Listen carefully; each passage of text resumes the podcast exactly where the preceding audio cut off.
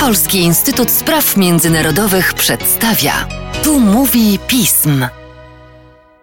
Przy mikrofonie Mateusz Józwiak i z wielką przyjemnością chciałbym Państwu przedstawić naszą nową analityczkę, ekspertkę do spraw Francji, Amandę Dziubińską. Cześć Amando. Cześć Mateuszu.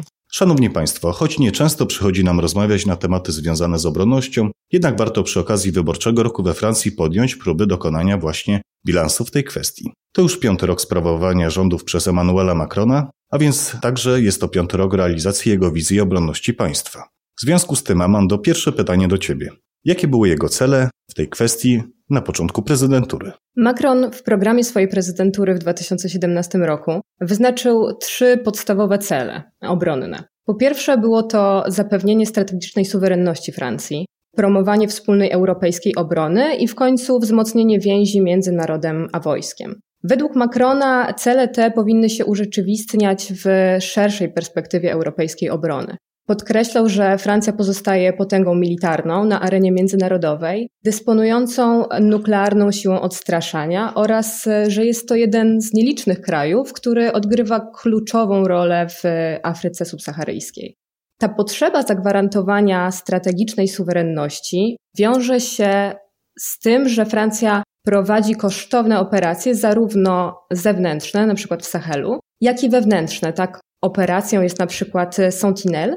I ważne jest utrzymanie odpowiedniego potencjału osobowego, jak i stanu wyposażenia armii. Macron wielokrotnie w kampanii wskazywał, że konieczne jest zapewnienie służbom dodatkowych środków finansowych dla realizacji tych celów.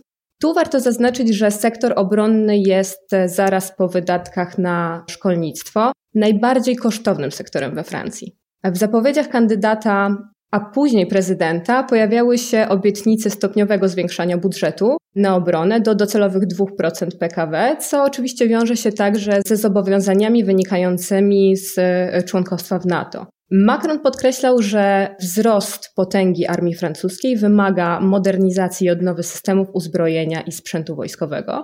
Zapowiadał w związku z tym modernizację nuklearnych sił odstraszania, modernizację sprzętu konwencjonalnego, takiego jak samoloty transportowe, łodzie patrolowe, wozy bojowe.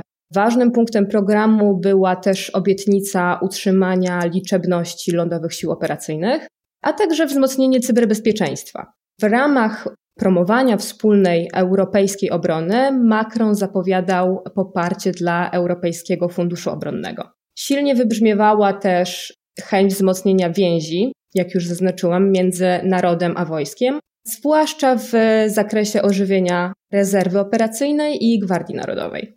Takim ciekawym pomysłem Macrona było wprowadzenie obowiązkowej, powszechnej służby wojskowej trwającej jeden miesiąc. Jedną kwestią jest sprawa związana z tym, jakie są założenia związane z modernizacją sił zbrojnych, a drugą kwestia tego, jak to udało się osiągnąć. Amando, jak obecnie wygląda kondycja francuskiej armii? Udało się zrealizować cele? Zacznijmy od e, nakreślenia pewnych ram funkcjonowania.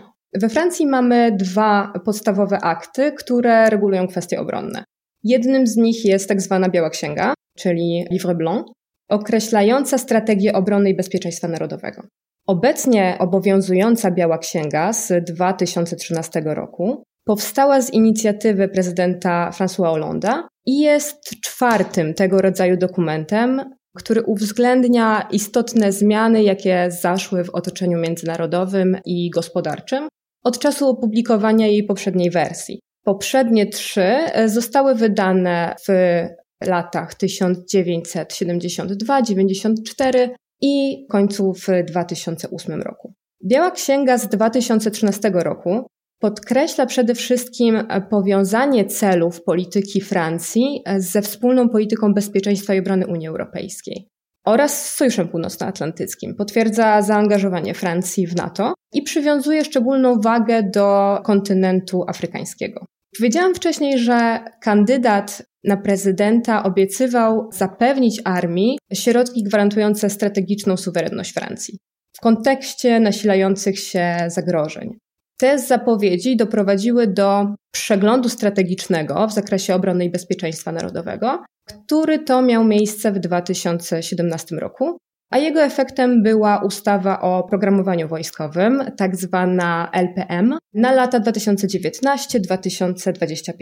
Jest to drugi dokument operacyjny, powstały już za czasów prezydentury Macrona, który określa wytyczne i zasoby polityki obronnej na wspomniany okres. Zakłada on e, przeznaczenie 295 miliardów euro w ciągu 7 lat na renowację i modernizację infrastruktury i wyposażenia sił zbrojnych. Przewiduje dodatkowe 1,7 miliarda euro rocznie do 2022 roku, a następnie dodatkowych 3 miliardów euro rocznie od 2023 roku. Należy zatem podkreślić, że najbardziej znaczący wzrost wydatków budżetowych na obronność ma mieć miejsce już podczas kolejnej kadencji prezydenckiej. W styczniu ubiegłego roku miała też miejsce e, aktualizacja strategicznego przeglądu obronności i bezpieczeństwa narodowego.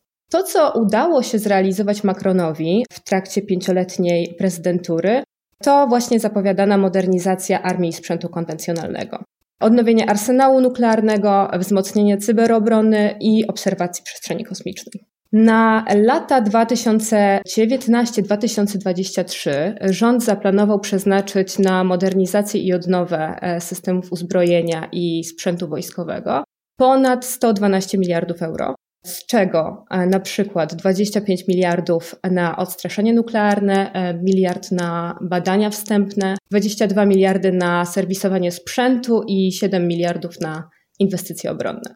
Jeśli chodzi o nuklearne siły odstraszania, to projekt modernizacyjny o szerokiej skali został już rozpoczęty.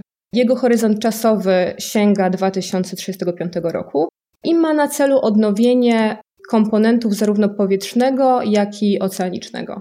Pierwszy jest w trakcie realizacji, czego przykładem jest zastąpienie przez wielozadaniowe samoloty bojowe Rafale myśliwców e, Mirage 2000N, czy chociażby pozyskanie kilkunastu nowych tankowców powietrznych A330 MRTT.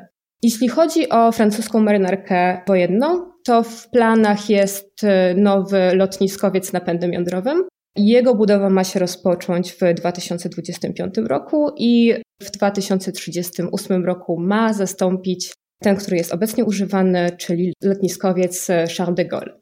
W lutym ubiegłego roku sprawująca urząd ministra sił zbrojnych nieprzerwanie od 2017 roku Florence Parly poinformowała także o programie budowy czterech okrętów podwodnych z rakietami balistycznymi trzeciej generacji. Takim kolejnym obszarem działalności francuskiego Ministerstwa Sił Zbrojnych były innowacje i transformacja cyfrowa sił zbrojnych. Należy tutaj wymienić takie inicjatywy jak powołanie w czerwcu 2018 roku Generalnej Dyrekcji do Spraw Systemów Cyfrowych i Informacyjno-Komunikacyjnych, uruchomienie we wrześniu 2018 roku Agencji Innowacji Obronnych, czy utworzenie w kwietniu ubiegłego roku Agencji Obrony Cyfrowej. Warto również zaznaczyć, że nieodłącznym filarem strategii i autonomii strategicznej Francji jest przestrzeń kosmiczna. Od 2019 roku i w tym obszarze poczyniono pewne inwestycje. I tak na przykład e, satelity CSO zastąpiły stare satelity Helios 2, a na przykład w ramach kontraktów z czołowymi francuskimi e, firmami działającymi w przemyśle obronnym, a przemysł obronny myślę, że również zasługuje na osobną rozmowę, ma zostać przeprowadzona modernizacja systemu dowodzenia i kontroli operacji lotniczych i będzie ona dotyczyła e, na przykład radarów SATAM, które umożliwiają precyzyjne śledzenie obiektów na niskiej orbicie okołoziemskiej, także systemu e, MARTA do zarządzania obronnością w trzecim wymiarze oraz na przykład systemów obserwacji powietrznej e, Giraffe. Taką istotną kwestią w polityce Macrona było również utrzymanie, chęć utrzymania personelu na odpowiednim poziomie. Wiąże się to z opublikowanym w 2017 roku raportem Wysokiego Komitetu do Spraw Oceny Stanu Wojskowego, który dostarcza okresowych informacji prezydentowi i parlamentowi o sytuacji w wojsku, według którego e, w 2016 roku, w roku poprzedzającym, ponad połowa e, żołnierzy planowała odejście ze służby wojskowej. W związku z tym podczas prezydentury Macrona podjęto liczne działania w kierunku zwiększania atrakcyjności służby wojskowej. Po pierwsze, został uruchomiony plan dla rodzin wojskowych i mówimy tutaj o 530 milionach euro na lata 2019-2025. Wdrożono także nową politykę wynagrodzeń oraz uproszczono procedury przekwalifikowania żołnierzy i byłych żołnierzy w służbie obrony cywilnej. A jak kwestia związana z zacieśnianiem współpracy europejskiej w obszarach obronnych? Wspominałeś o niej na samym początku jako jednym z głównych elementów, na których chciał prezydent Macron opierać swoją rozbudowę potencjału obronnego. Jak to wygląda teraz? Macron od początku swojej prezydentury, ale także i teraz, kiedy Francja pełni przewodnictwo w Radzie Unii Europejskiej, podkreśla konieczność szerszego działania na szczeblu e, europejskim w dziedzinie obronności. Wspólna polityka obronna była ważnym punktem tej kadencji. Przy licznych okazjach Macron e, wzywał swoich europejskich partnerów do zwiększenia wysiłków e, w zakresie obrony zbiorowej. W ostatnich latach z inicjatywy Francji pojawiło się e, kilka godnych uwagi projektów, takich jak kontrowersyjna europejska inicjatywa interwencyjna, która ma wzmacniać europejskie zdolności reagowania kryzysowego. Została ona uruchomiona w czerwcu 2018 roku i jest to niewątpliwie część ambicji Macrona, aby stworzyć wspólną e, strukturę strategiczną i wzmocnić zdolność Europejczyków do wspólnego działania. Tutaj warto podkreślić, że ta inicjatywa działa poza e, strukturami i NATO i Unii Europejskiej. Dążenie Francji do ściślejszej współpracy europejskiej e, znalazło także swoje ujście w regionie Sahelu. Parli wielokrotnie zwracała się do, do krajów europejskich o rozmieszczenie swoich e, sił operacyjnych w tym regionie. I w marcu 2020 roku uruchomiona została grupa zadaniowa Takuba, która jest zintegrowana z dowództwem francuskiej operacji Barkan. A jej celem jest pomoc malijskim siłom zbrojnym we współpracy z e, partnerami e, G5 Sahel w walce z lokalnymi organizacjami terrorystycznymi. Połowę tej grupy zadaniowej e, stanowią Francuzi. Jej liczebność e, znacznie odbiega od e, wizji Macrona, który w lutym ubiegłego roku podkreślał, że jego celem jest posiadanie dwóch tysięcy ludzi. W rzeczywistości natomiast szacuje się, że ta liczba jest dwukrotnie mniejsza. Francja wyrażała także swoje poparcie dla Europejskiego Funduszu Obronnego, który ostatecznie został zatwierdzony przez Parlament Europejski w kwietniu ubiegłego roku. Poparcie dla utworzenia funduszu e, było jednym z zadeklarowanych przez prezydenta priorytetów e, w zakresie obronności i jest e, uważane za taki prawdziwy krok naprzód w stronę większej konsolidacji przemysłowej i technologicznej w Europie. No, należy zwrócić uwagę, że nie wszyscy europejscy partnerzy byli entuzjastami jeśli chodzi o wspólną europejską politykę obronności, a budżet funduszu na lata 2021-2027 wyniesie niespełna 8 miliardów euro, co także odbiega od pierwotnie planowanych, zgodnych z francuską wizją 13 miliardów euro. Słusznie zauważyłaś, że nie wszystkie elementy udaje się zrealizować. Tutaj w wypadku kwestii związanych z zacieśnianiem współpracy na poziomie europejskim. Jakie jednak trudności i niepowodzenia spotkały Macrona w ciągu tych ostatnich pięciu lat? Poważnym wyzwaniem dla pięcioletniej prezydentury Macrona była z pewnością wspomniana przeze mnie już operacja Barkhane, czyli prowadzona od 2014 roku przez Francję operacja kierowana przeciwko lokalnym grupom terrorystycznym w Sahelu. Na obecnym etapie nie można ocenić przebiegu tej operacji jednoznacznie pozytywnie. Trudnością były niestabilne partnerstwa lokalne, doniesienia dotyczące e, negocjacji tymczasowego rządu malijskiego z e, grupą Wagnera, narastająca krytyka ze strony lokalnych społeczności, takie słabe zaangażowanie Europy w ten region oraz e, spadające poparcie ze strony obywateli francuskich dla kontynuowania misji. W ostatnich latach warto zaznaczyć, że poparcie Francuzów dla operacji Barkhane znacznie spadło, zwłaszcza w obliczu tego, że od y, momentu uruchomienia operacji e, kilkudziesięciu e, żołnierzy straciło życie, a jej koszty opie opiewają na ponad miliard euro rocznie.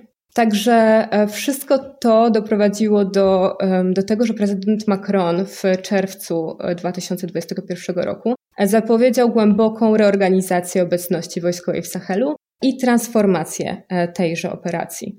Wiele opcji jest aktualnie na stole, także możliwe wycofanie wojsk francuskich. No więc niewykluczone, że kolejne tygodnie przyniosą nam dalsze scenariusze. Temat francuskiej obecności w regionie będzie istotnym punktem w trwającej prezydenckiej kampanii wyborczej.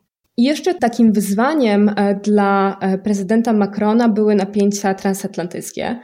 Dużym ciosem dla Francji było ogłoszenie porozumienia AUKUS, co również rodzi pytania o dalszą strategię obronną Francji w regionie e, Indo-Pacyfiku.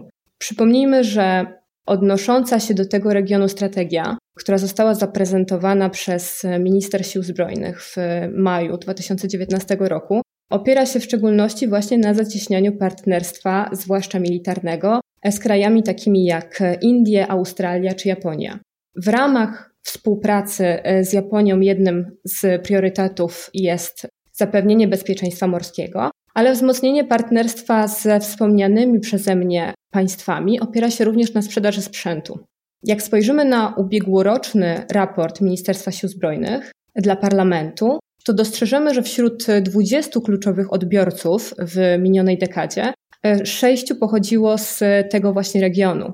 A więc zawarte między e, Australią, Wielką Brytanią i Stanami Zjednoczonymi porozumienie w zakresie wymiany technologii obronnych i jednoczesne anulowanie kontraktu na sprzedaż do Australii francuskich okrętów podwodnych było dla Francji bardzo dotkliwe. A jak wspomniałam, oprócz korzyści finansowych miał być to jeden z filarów francuskiej strategii w tym regionie.